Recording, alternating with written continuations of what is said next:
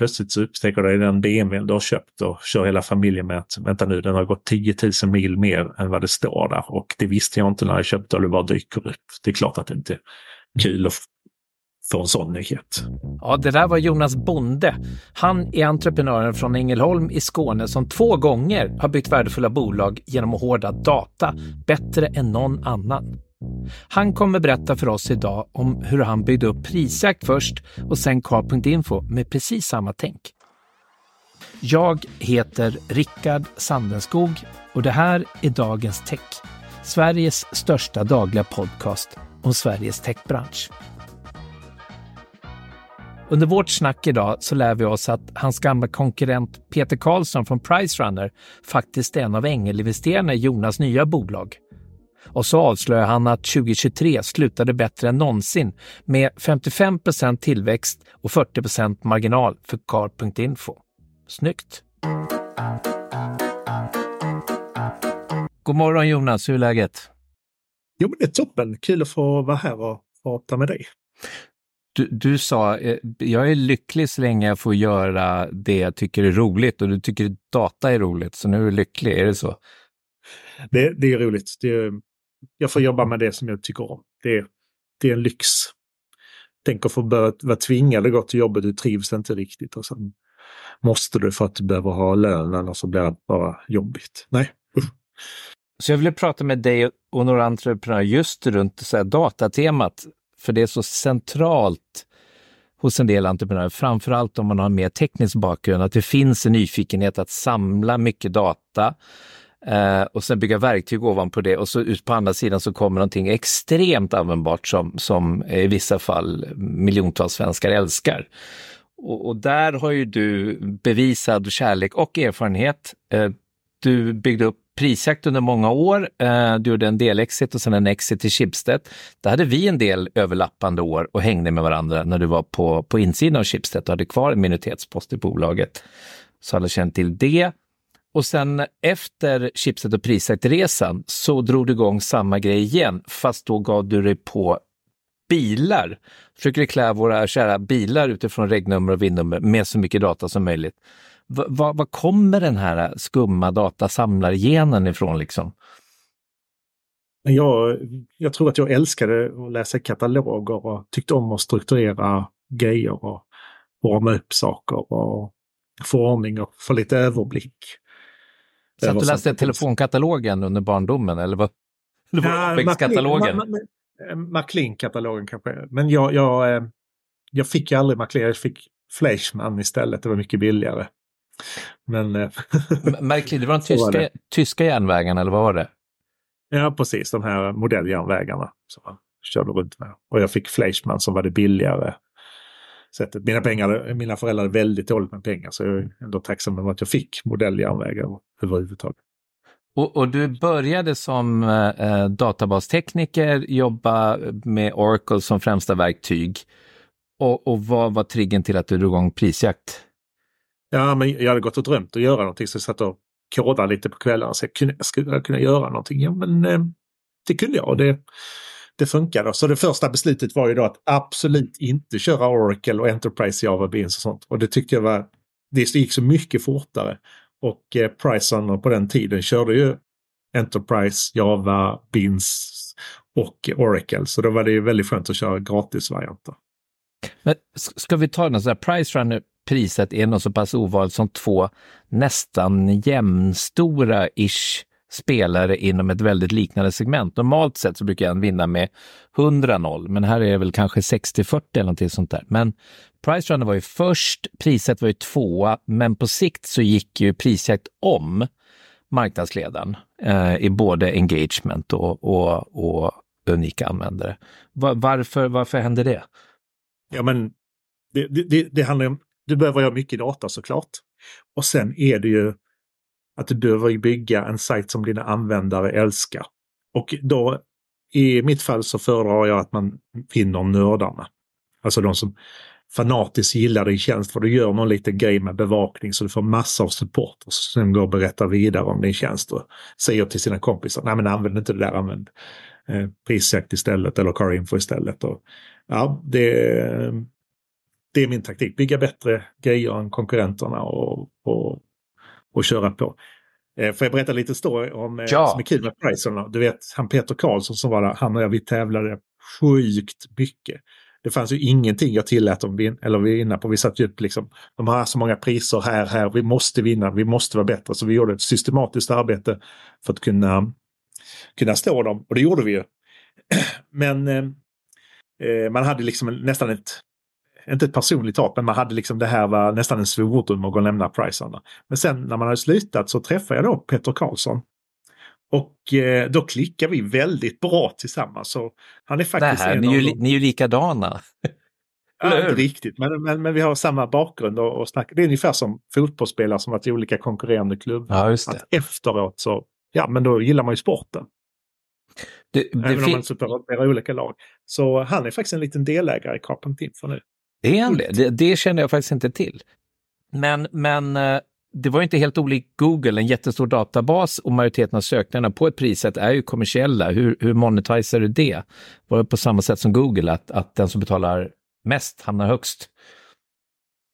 Nej, nej, sånt där, sånt där gillar jag inte. Utan det var den som hade lägst pris som hamnar högst. Och, eh, men butikerna var ju naturligtvis intresserade av att få in besökare så alltså de betalar för att få trafik. Och det visar sig precis som överallt annars. Har du ett känt varumärke så klickar man gärna på den länken även om den inte är först. Majoriteten av folk vill hellre ha ett tryggt köp med någon du känner till och klickar då på den.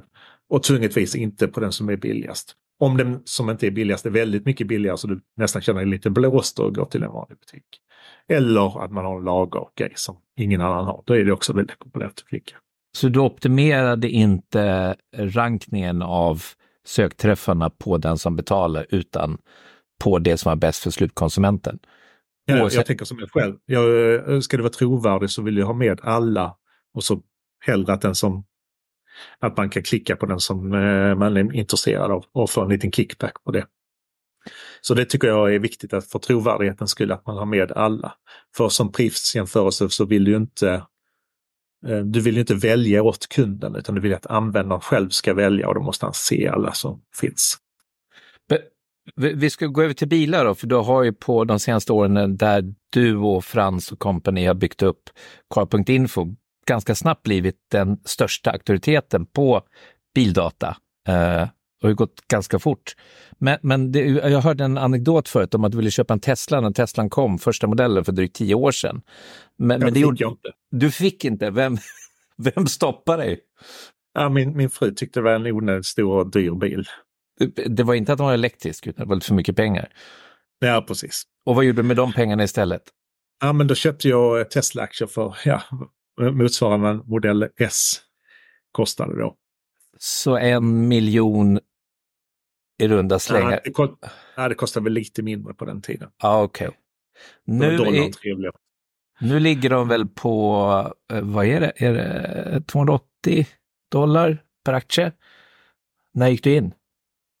Ja, ja precis. Eh, nej, men om om jag uttrycker mig så att jag eh, var ju med ett tag där och det gick ju jättebra. Men när jag tjänat ihop en Tesla till en Model S så tänkte jag nej men nu har jag betalt hela Tesla så nu, nu säljer jag aktierna. Nej, Eh, ja, men sen gick det väl 50 gånger till upp i pris.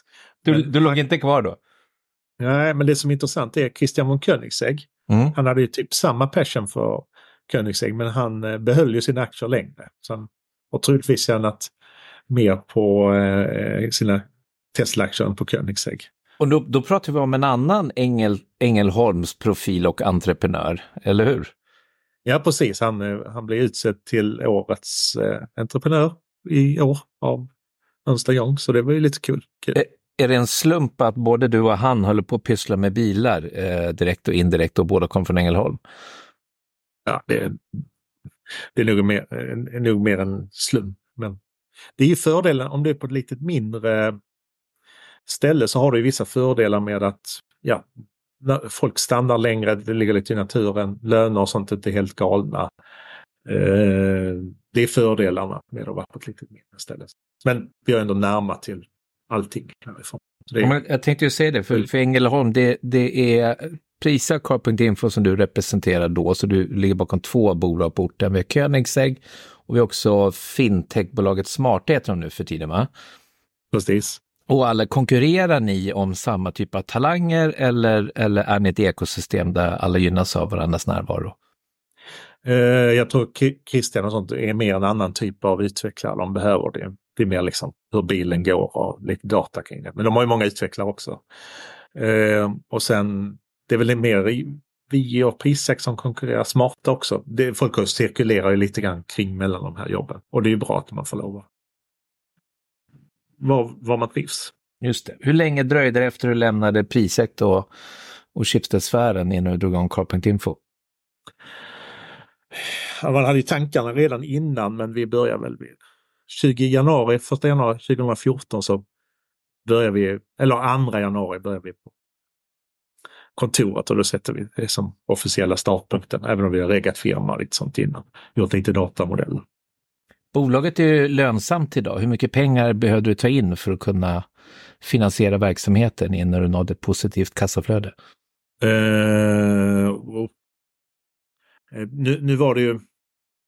Nu, nu, det är lika bra att säga det här, vi fick ju inte särskilt mycket i dagens jämfört med vad många får så fick vi väldigt lite betalt för, för Prisjakt. Men ja. Pris, eh, Schibsted gjorde en bra affär och eh, det ska de ha cred för. Ta hand, bra hand om oss. Men pengarna räckte ju för att få igång startkapitalet. Eh, så jag har jobbat sex år utan lön där. Det räckte det till. Plus att vi anställde lite folk. Men vi tog in några änglar också som Peter Karlsson för att visa att bolaget är värt någonting. Men vad kan vi ha bränt? En, eh, kanske en 20-30 millar kanske innan vi gick plus. Och majoriteten där kommer från dig själv och Frans och inte från externt kapital? Nej, det var, det var vi, vi själva. Och, och det som är fint här det är, och, och det är att flera av våra medarbetare har gått in själva med pengar i bolaget. Belånat huset och sånt där. Så man känner ett rätt stort ansvar för att det ska gå bra. Ska vi prata lite grann om det? För det, det finns ju ganska stor kulturskillnad tycker jag med se när man är på mindre orter och inte uppe i Stockholm. Det fantastiska med Stockholm är att det, det är lätt att resa kapital för det finns mycket pengar som, som flödar nerför trottoarerna. Mm. Å andra sidan så bygger man som en konsekvens en annan typ av bolag där du kanske har en mer lönsam tillväxt, får jag uttrycka mig så, lite mer försiktig. Uh, är, är, det Finns det risker med att ta den där försiktiga vägen som man kanske tar på en mindre ort där man inte har det nätverk som man behöver uppe i Stockholm för att resa mycket pengar? Eller tror du att den här eran vi befinner oss i just nu med ganska många bolag som kämpar och många som kommer gå i konkurs, att vad var det jag sa? Att, att så här kan man inte bygga bolag, förr eller senare måste man bli lönsam. Jag, jag är ju stor fan av bootstrapping i början, att man verkligen jobbar snålt, får igång produkten och får den så att folk gillar den och sen börjar tjäna lite pengar, sen växer därifrån. Det betyder inte, det betyder inte att man inte behöver ta in pengar, men eh, just att jag har också varit och träffat alla de riskkapitalen, men vi var inte helt kompatibla med varandra för att de ville att Jonas, du behöver en offensiv budget och sen måste du tjäna jättemycket pengar här och så bara vi slänger in massor av pengar. Men om det failar då, ja men då lämnar vi dig ja, det, det, kändes, det kändes inte så bra för mig utan jag eh, tycker att man ska bygga från början. Men sen betyder inte det att man inte ska växa eh, snabbt. Som förra året så växte vi 55% jämfört med 2022 som du har sett och vi hade över 40 vinstmarginal. Så att det, det, det går... du, accelererar både tillväxten och lönsamheten just nu alltså? Ja, precis. Det, det, så man, man får inte liksom man måste ju, det måste man göra. Det är jag inte alls motståndare till, att man ska göra vinst och växa. Men man, att välja en av dem känns lite jobbigare. Ja, och jag vet ju att det var ju bland annat Schibsted och många andra ville ju ge dig pengar och du sa ju nej. Uh, jag, jag, vill inte ja. ha pengar, att man, i alla fall inte under den typen av terms och förväntningar som det skapar. Men fortsätter heller själv.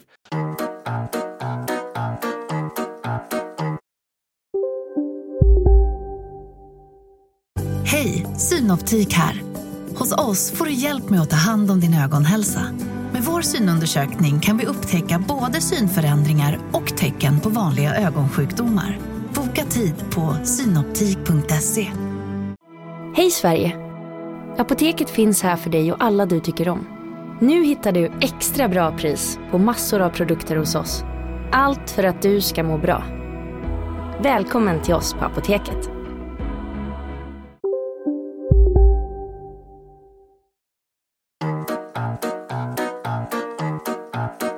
Men vad kul då, eh, så att ni, ni, ni lyckas eh, accelerera tillväxten i Car.info nu, men ni har inte ökat kostnaden i samma takt så att då har lönsamheten stuckit iväg.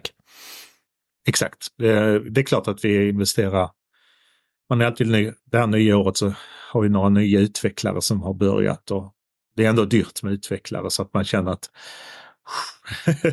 nu blir det en ny match detta året. Men eh, det kommer, det kommer gå säkert gå bra.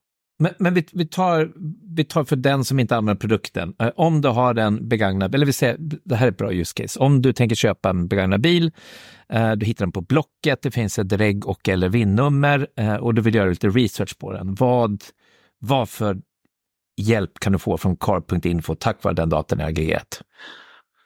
Jo, men du, du, kan få, den vanligaste folk kollar det så att allting ser rätt ut med miltalen så att de inte har manipulerat eh, eh miltals miltalsmätaren. Det vill säga det man kallar för skruvad. Och sen har vi massa och, andra Och det är att kurvan är rak då och inte att plötsligt att man har färre mil än vad man hade perioden innan? Ja, precis. Den, den går ner ett antal mil efter ett tag. Och en sån kurva är inte så kul. Eh, utan då, då betalar du för en bil som skulle ha gått mindre så helt plötsligt så kanske någonting pajar i bilen på grund av att du inte har bytt någonting. Och bilen blir såklart mycket mindre värd.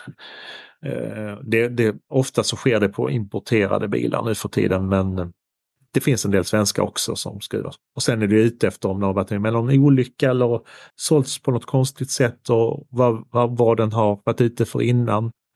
Så det är mycket av den typen av data som du är intresserad av. Och det coola här, det, här, det coola är att vi har en cool affärsmodell för det här. Riktigt fräckt faktiskt.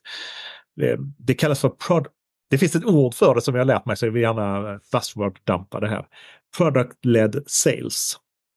Ja, det, innebär helt enkelt, det innebär helt enkelt att vi satsar sjukt mycket på att göra produkten, sajten bra. Men vi erbjuder vanliga användare att använda den gratis. Eh, fördelen med det är att när du får några miljoner besökare i månaden som vi har så, eh, så eh, är det ett antal kommersiella användare som säger ja men det här vill vi ha in på vår sajt. Perfekt, då kan du sälja API. Jättebra, gör man det. Och sen så är det en del kommersiella användare som säger ja men ni måste betala för att använda typ bilhandlare. Så där kanske vi har, vi har väl nu över 5000 betalande bilhandlarkonton. Då. Eh, och sen har du då försäkringsbolag som behöver göra värderingar på bilarna när de har krockat och sånt där. Som är en sån jättestor miljardindustri som man inte riktigt vet om att den finns. Eh, de måste ha ha eh, koll på läget och veta att har den här bilen sålt som jag använder i min värdering. Och sånt här. All, alla de där kunderna använder då Carpet Men du som vanlig bilentusiast, du kan använda det precis som vanligt. Hjälpa dig. Det är några och, små features med du får som betalare. Betyder det Jonas att product-led sales också betyder att du inte behöver ha 20 kamsäljare på kontoret som sitter och ringer hela dagarna? Nej, jag, jag tycker det är jobbigt med sales. Ja, men, men, men... Sälja och hjälpa personer. Men, men om, om man säljer banners till exempel så har du ju ofta problemet att det är jättebra, du säljer en banner för 100 000. Sjukt bra. Men du måste göra samma sak varje månad framåt. Det där rekursiv försäljning är väldigt fint med prenumerationer.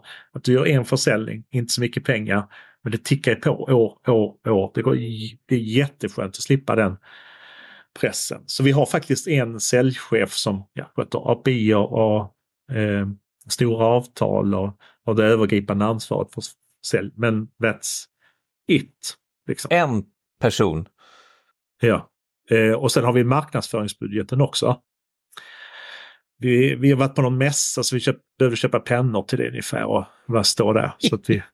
Jonas, jag måste ju säga, dels det faktum att, att även Stockholm har kommit på SAS-modeller, men du, du, har ju varit där något decennium eller två. Men, men mm. det, det, är fantastiskt kul att du uppnår en sån lönsamhet när du samtidigt har en ganska eh, eh, vad ska jag säga, ambivalent syn på att överkommersialisera din egen produkt. Kanske därför det blir framgångsrikt. Eh, I alla fall ska jag konstatera att Jonas-modellen funkar ganska bra. ja men det, det, det, det, naturligtvis köper vi in galet mycket data. Det är liksom väldigt mycket pengar vi spenderar på att köpa in data från olika håll för att göra vår egen data bättre.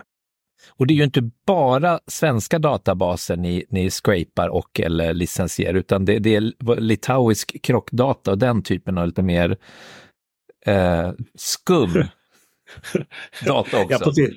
Precis. Det, det, du vill när du har en tjänst, det är att kunderna ska känna att värdet är så pass mycket högre än det du betalar. Nu betalar en vanlig bilhandlare 600 kronor för ett konto i månaden. Men om du bara hittar en bil från Litauen som du inte har upptäckt innan, som du undviker att köpa, så har du sparat tiotusentals kronor på en bil. Då kan du själv tänka dig hur det där aggregerar upp. Liksom. Och är mest obskyra, vad är mest obskyra datakällan ni, ni hämtar in data ifrån nu? Ja, vi, vi, vi, vi, vi scrapar någon rysk sajt har vi kollat på. Och sen har vi någon, någon kinesisk också. Eh, vi, där ryska det är att vi behöver kolla lite grann var svenska lyxbilar hamnar någonstans. Och vad har, du, vad har du mm. lärt dig då? Du kan se mycket av de där exportbilarna var de dyker upp någonstans. Exakt, och det, det är ju skrämmande att liksom, det köps in dyra bilar som exporteras till Ryssland efter eh, efter man har sagt att det är förbjudet med export dit. Där. Och det är inte så att de här bilarna går till fronten utan det går till lyxlirarna i Moskva. Så du ser alltså när svenskregistrerade bilar lämnar Sverige, sen dyker de VIN-numren sen upp i Ryssland? Precis. Det där så låter det, ju spännande. Eh, det låter spännande och det är lite kul att se. Så det, det är lite obskyrt. Men annars är det en hel del Dubai-data är lite exklusivt också, men det är kul och de var väldigt öppna med sin data i, eh, i Dubai. Då kan man se att man har eh, kört fast i någon eh, sand, sandhög ute i öknen som man fått bärgad och sånt där. Så man, ser olyckor på sådana bilar. Det känns väldigt eh, obskurt, men roligt att se. Hur, hur många länder har ni alltså, internationaliserat frontenden på idag? Eh, fronten finns bara i Sverige men datan är igång i Norge, i viss mån Finland och snart är det på gång i Danmark. Då, liksom, så. Och det är kul att få jobba, vi jobbar i flera länder tillsammans med gamla eh, chipstetbolag Blocket och några grejer i Norge och några i Finland. Så det känns roligt. Och vad är det för ambitioner där gällande internationell expansion Jonas? Eh, det är lite grann eh, var, var det är hyfsat öppen data kommer det gå ganska bra. Det vill säga i typ eh, Norden, eh, kanske lite Västeuropa som Holland, England och några av de här länderna. Där, där ska vi nu kunna fortsätta. För vi är inte ute efter persondata, vi är ute efter bildata. Vad är det för bil det här? Ja, just Då slipper man GDPR-utmaningarna med, med storage och processing och allt sånt. Ja, du måste ju ha koll på det och så att du har ett syfte med det du gör och värdet av den. Så det, det är mycket pyssel med GDPR. Men, men eh, det funkar. För det finns ju ett, genom att datan är öppen så undviker du jättemycket kriminalitet.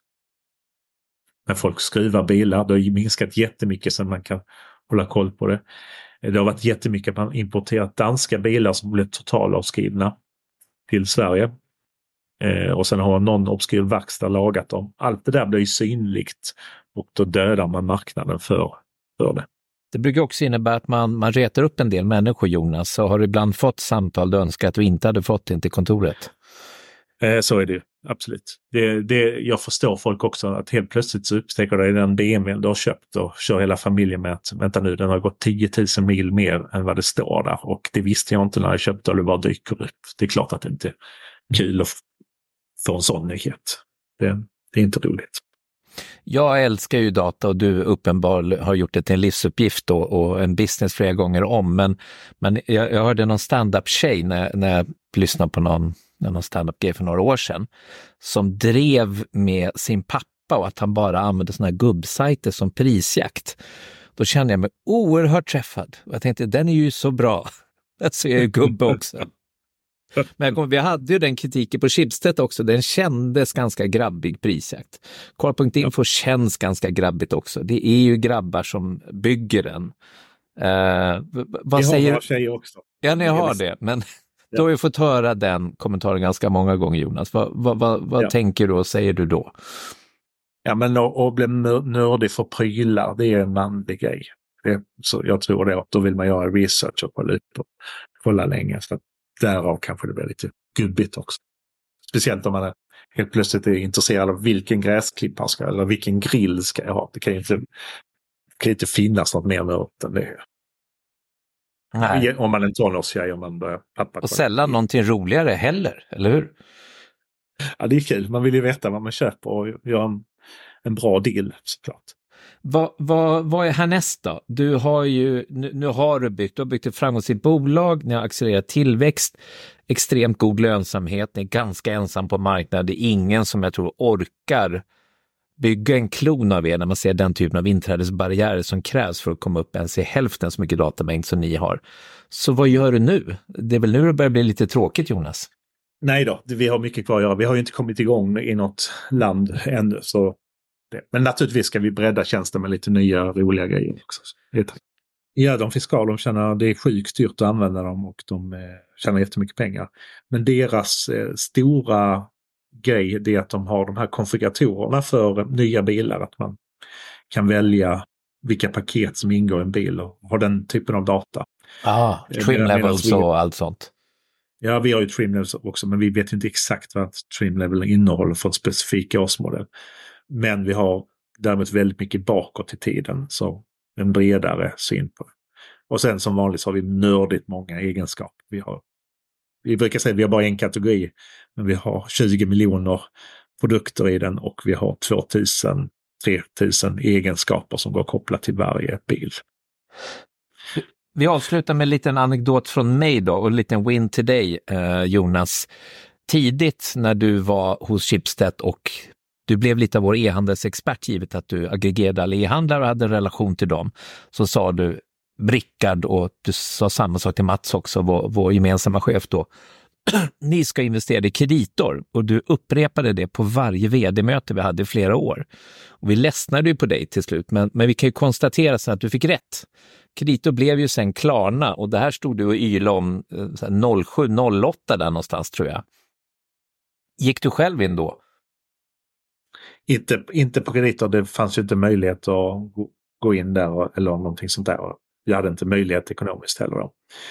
Men eh, en an, eh, jag gjorde en annan grej som jag lärde mig på, på, Schibsted. Det är, eh, vi hade ju Bahnhof som leverantör av bredband och eh, hosting. Och jag insåg bara byta, flytta från ett rack till ett annat. Det gör du inte. Det är så himla jobbigt och dyrt och kostar mycket tid och pengar. Så det är verkligen sån här absolut inte. Jag tänkte, hmm, hyr du ut fler rack så har du, sitter kunderna fast. De blir beroende av leverantören. Så jag investerade eh, rätt mycket i, eh, i Bahnhof och fick vara med på en ri- riktigt trevlig resa där under många år. Snyggt! John Karlung och Ja. Oskar Schwarz och company. Ja, de gjorde Jätte- har gjort det bra ifrån sig där. Absolut. Jät- Eh, Det är jätteduktiga. samma sak som eh, man får göra sin egen analys. De är rätt så högt värderade nu men ett tag det var liksom Vänta nu, de här är P 8 och de delar ut pengar och gör vinst varje år. Vad är fel på var, var, Varför är det så dåligt? Eh, Men sen stack det iväg liksom. Och vad skulle du sälja Corporate Info för om du fick ett bud idag? Det, det, det är såklart, man blir smickrad när folk vill köpa men, men eh, det är ju sån konjunktur idag så det är inte ens lönt att prata med dem och vi har inga planer på att sälja heller. Så att det, Bra! Tack så mycket Jonas Bonde tack så mycket! Tack för att jag fick lov att vara med här. Och så dagens nyheter. Ukraina anklagar nu Elon Musk för att supporta Starlink för de ryska trupperna i Ukraina. Elon hävdar nu på X att bolaget inte medvetet sålt några Starlink-mottagare till Ryssland och de lovar att de kommer att avaktivera eventuella terminaler om de upptäcker att de används av någon part som är under internationella sanktioner.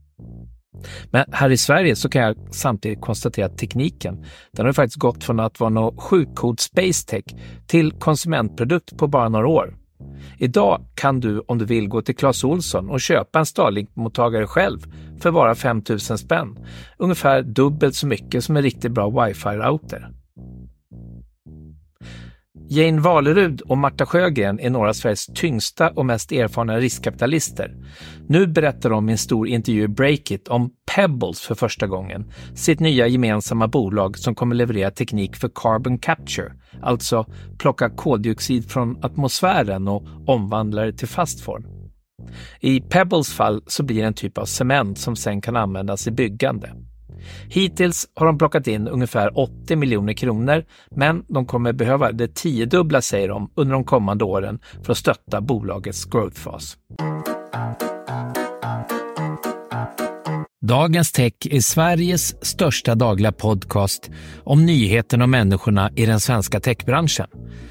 Podden den görs av mig, Rickard Sandenskog och produceras av Halvt Vargtjut Media AB och musiken kommer från Epidemic Sound. För att hjälpa oss med podden så skulle vi bli glada om du gjorde två saker. Följ oss eller prenumerera på oss i din favoritpoddspelare nu och tipsa alla dina vänner. Vi hörs!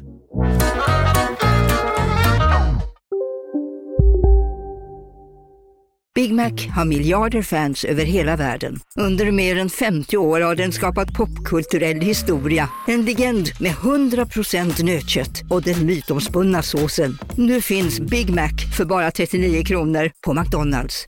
Hej, Susanne Axel här. När du gör som jag och listar dig på en av Krys vårdcentraler får du en fast läkarkontakt som kan din sjukdomshistoria. Du får träffa erfarna specialister, tillgång till lättakuten och så kan du chatta med vårdpersonalen. Så gör ditt viktigaste val idag, lista dig hos Kry.